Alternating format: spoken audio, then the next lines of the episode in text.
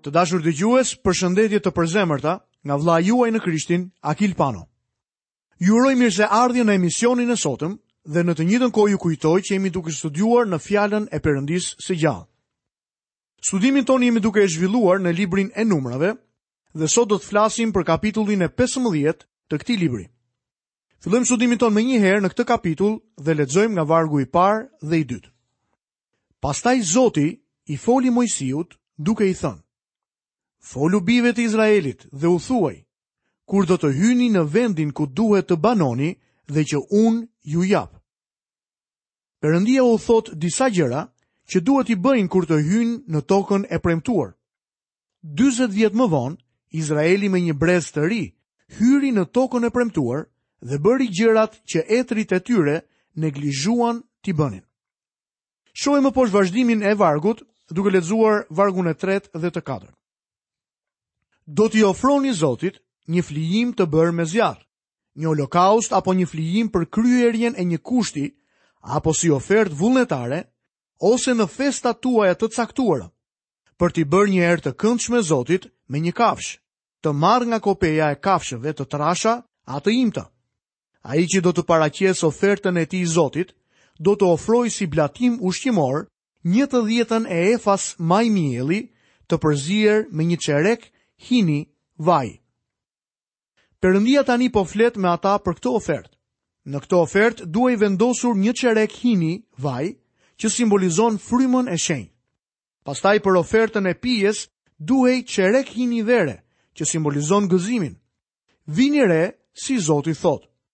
Por në rast se çon një dem të vogël, Perëndia u flet atyre për atë që do të bëjnë në tokën e premtuar, njëlloj sikurse ajo tashmë të kishte ndodhur. Edhe pse ky brez në shkretëtirë u kthye tek idhujtaria, brezi i ri që do të hynte në tokën e premtuar do të ofronte këto oferta që simbolizojnë të gjitha personin e Jezu Krishtit. Miku im, çfarë je duke bërë ti sot? Ndoshta të dielave shkon në kishë dhe mendimet e tua përqendrohen tek Bibla dhe tek Zoti Jezu Krisht. Por çfarë ndodh me ty të hënën dhe çdo ditë të javës kur ti del jashtë në shkretëtirën e kësaj bote? A bashkohesh me idhujtarinë e botës? A u shërben zotërve të kësaj bote? apo jeton një jetë të shenjtë dhe fetare të dielën dhe një jetë pagane gjatë gjithë pjesës tjetër të javës. Zoti Jezu Krisht dëshiron që të ecë me ty. Ai dëshiron të ecë në rrugët e kësaj bote dhe në vendet e tregtisë me ty. Ai është po aq i vërtetë, aty, sa edhe të dielave në kishë. Tani ai po përmend diçka që e kemi parë më parë tek libri i Levitikut, oferta për mëkatet e kryera nga padituria. Lexojmë në vargjet 24 deri 26.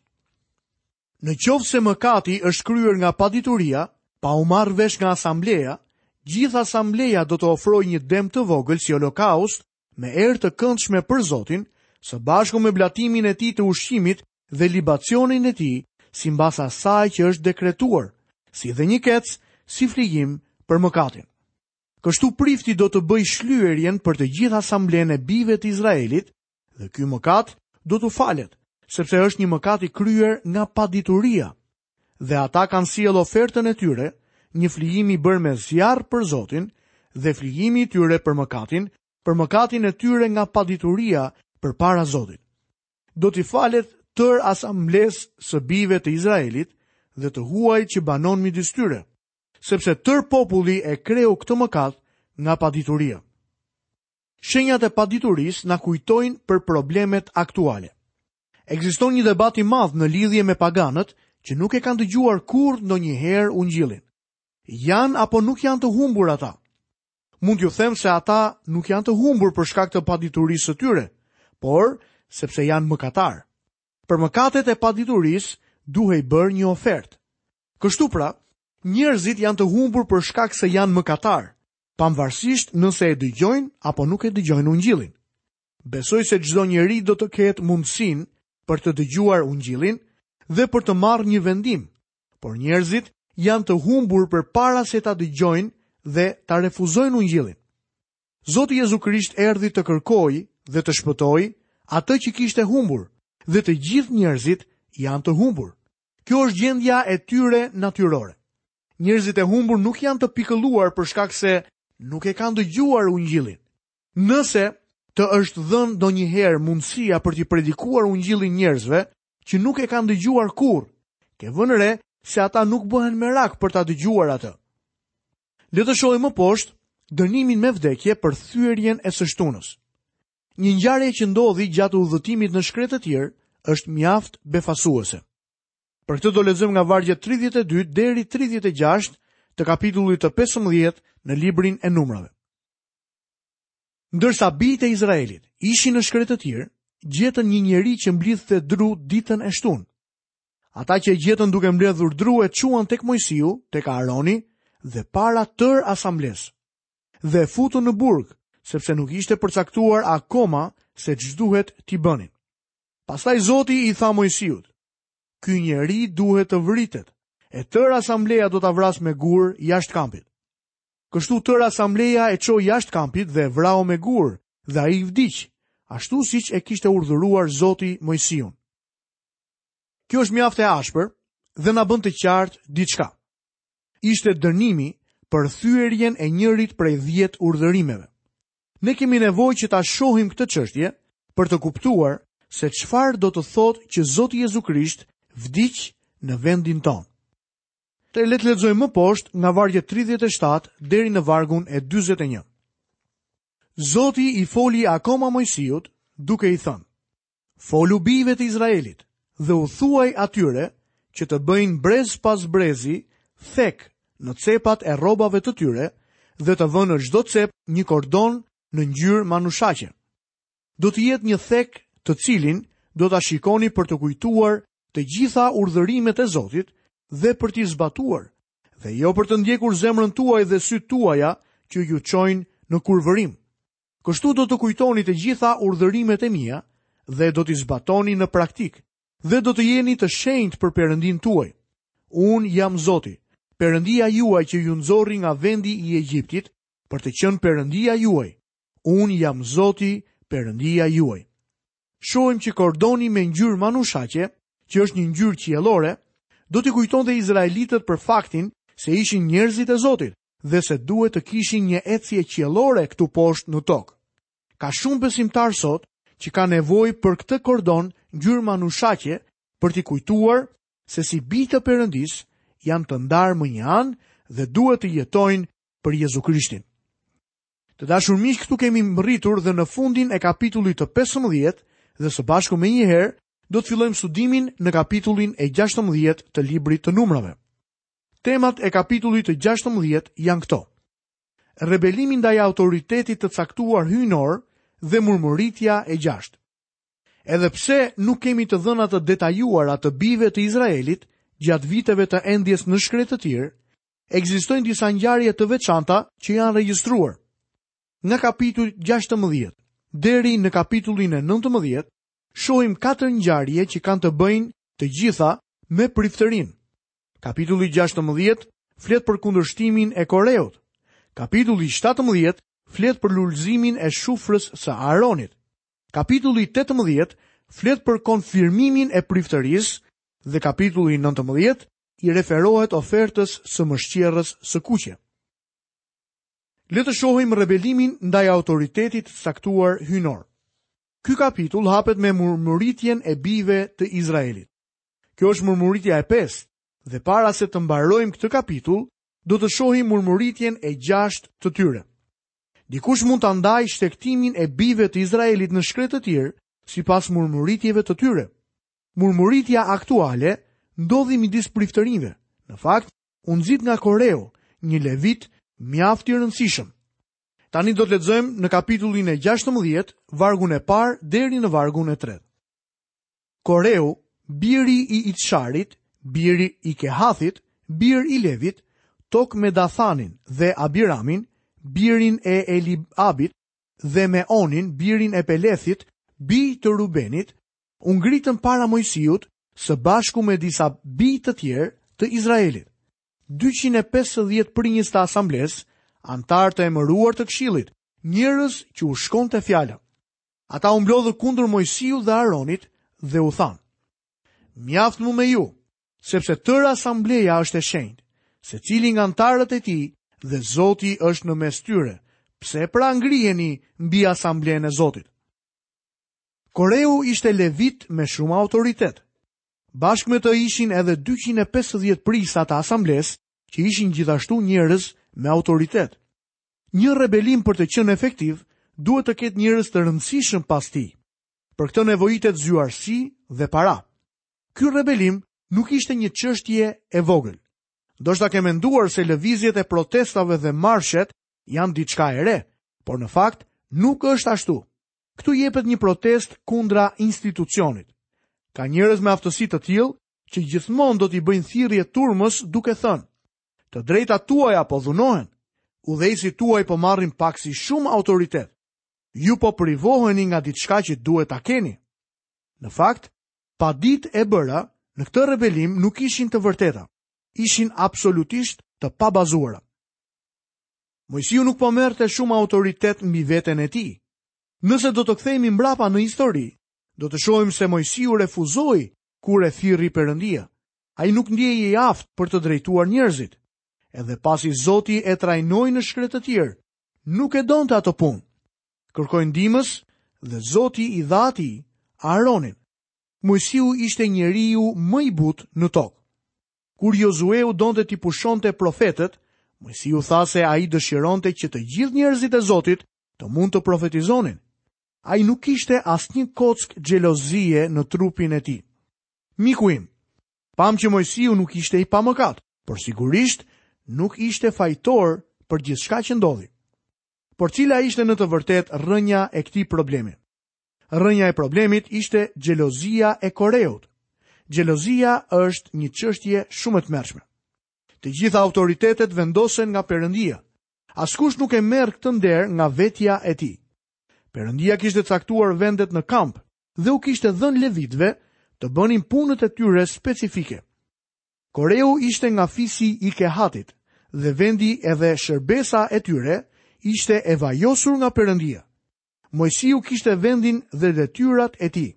Në fakt, në rastin e këtij rebelimi, duheshin marrë masa ekstreme. Kjo është mjaft e rëndësishme për ne sot. Kishat kudo që ndodhen, po hasen me probleme. Nga përvoja ime mund të them se shumica e problemeve në kishën e sotme vijnë nga rebelimi midis njerëzve në kisha që i ka rrënjët vetëm në një gjë, xhelozinë. Kjo është arsyeja pse Bibla na urdhëron që të ecim në butësi dhe modesti. Ne duhet të ecim në përulësi. Duhet të pranojmë se i gjithë autoriteti jepet nga Perëndia. Tek letra e parë drejtuar Korintasve në kapitullin e 12, apostulli Pal e përshkruan kishën si një trup, një trup njerëzor. Ashtu siç trupi ka shumë gjymtyrë, kështu edhe kisha ka shumë gjymtyrë. Kur Perëndia të shpëtoi, ai të vendosi në trup me anë të pagëzimit të frymës së shenjtë. Ti duhet të dish vëlla i dashur dhe motër, që ke një funksion të caktuar në trupin e besimtarëve. Ka shumë dhurata të frymës. Nëse je i krishterë, ty të është dhënë një dhuratë që duhet ta përdorësh në trupin e Krishtit. I gjithë trupi nuk është goja. Jo i gjithë trupi është sy dhe as vesh. Çdo individ i veçantë ka një dhuratë.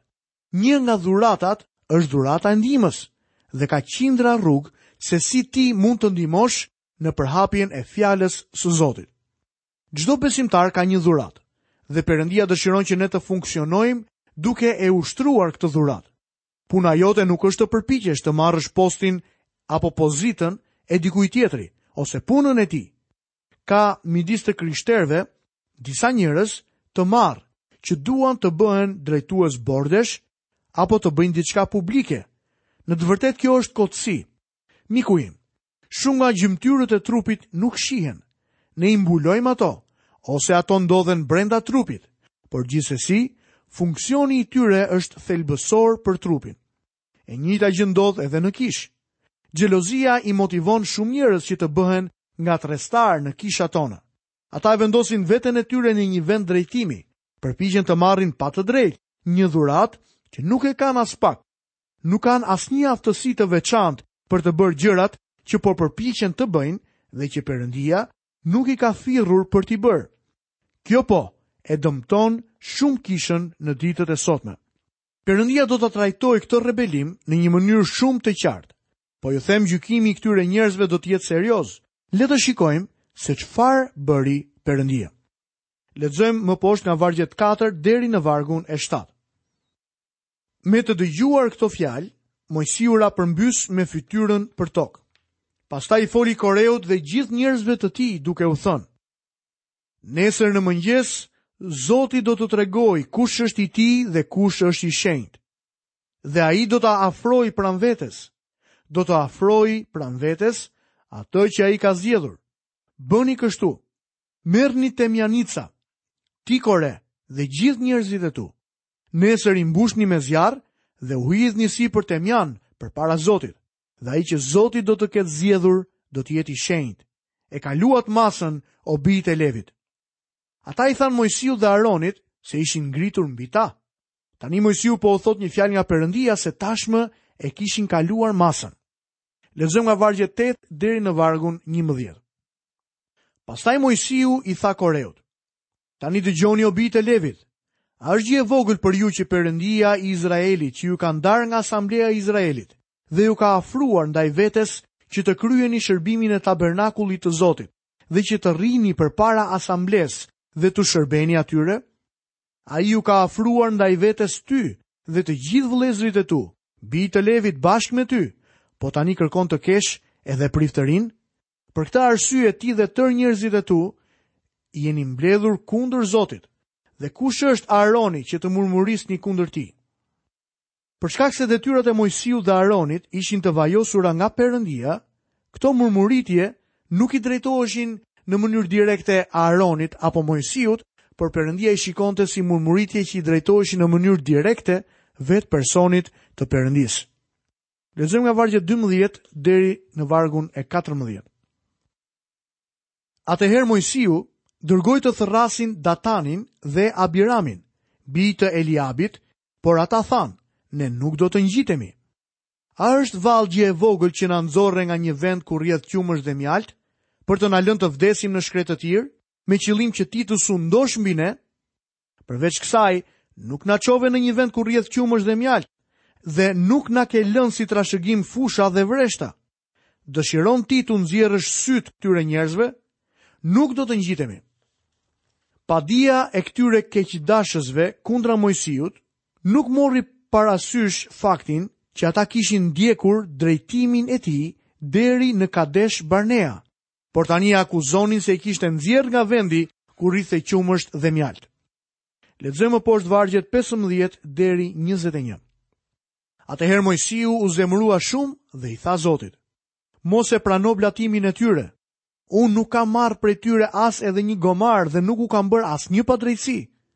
Pastaj Mojsiu i tha Koreut: Ti dhe njerëzit e tu paraqituni nesër para Zotit.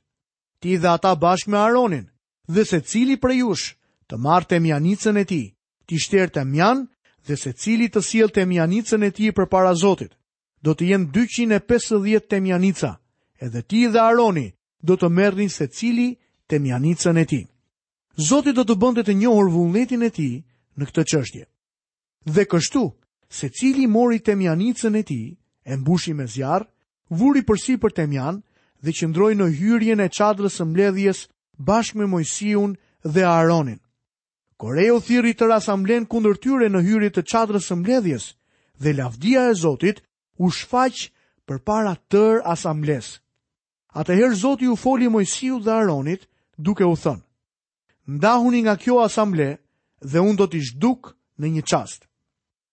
Shohim që gjithsecili mori temjanicën e tij, e mbushi me zjarr dhe u paraqit në tabernakull.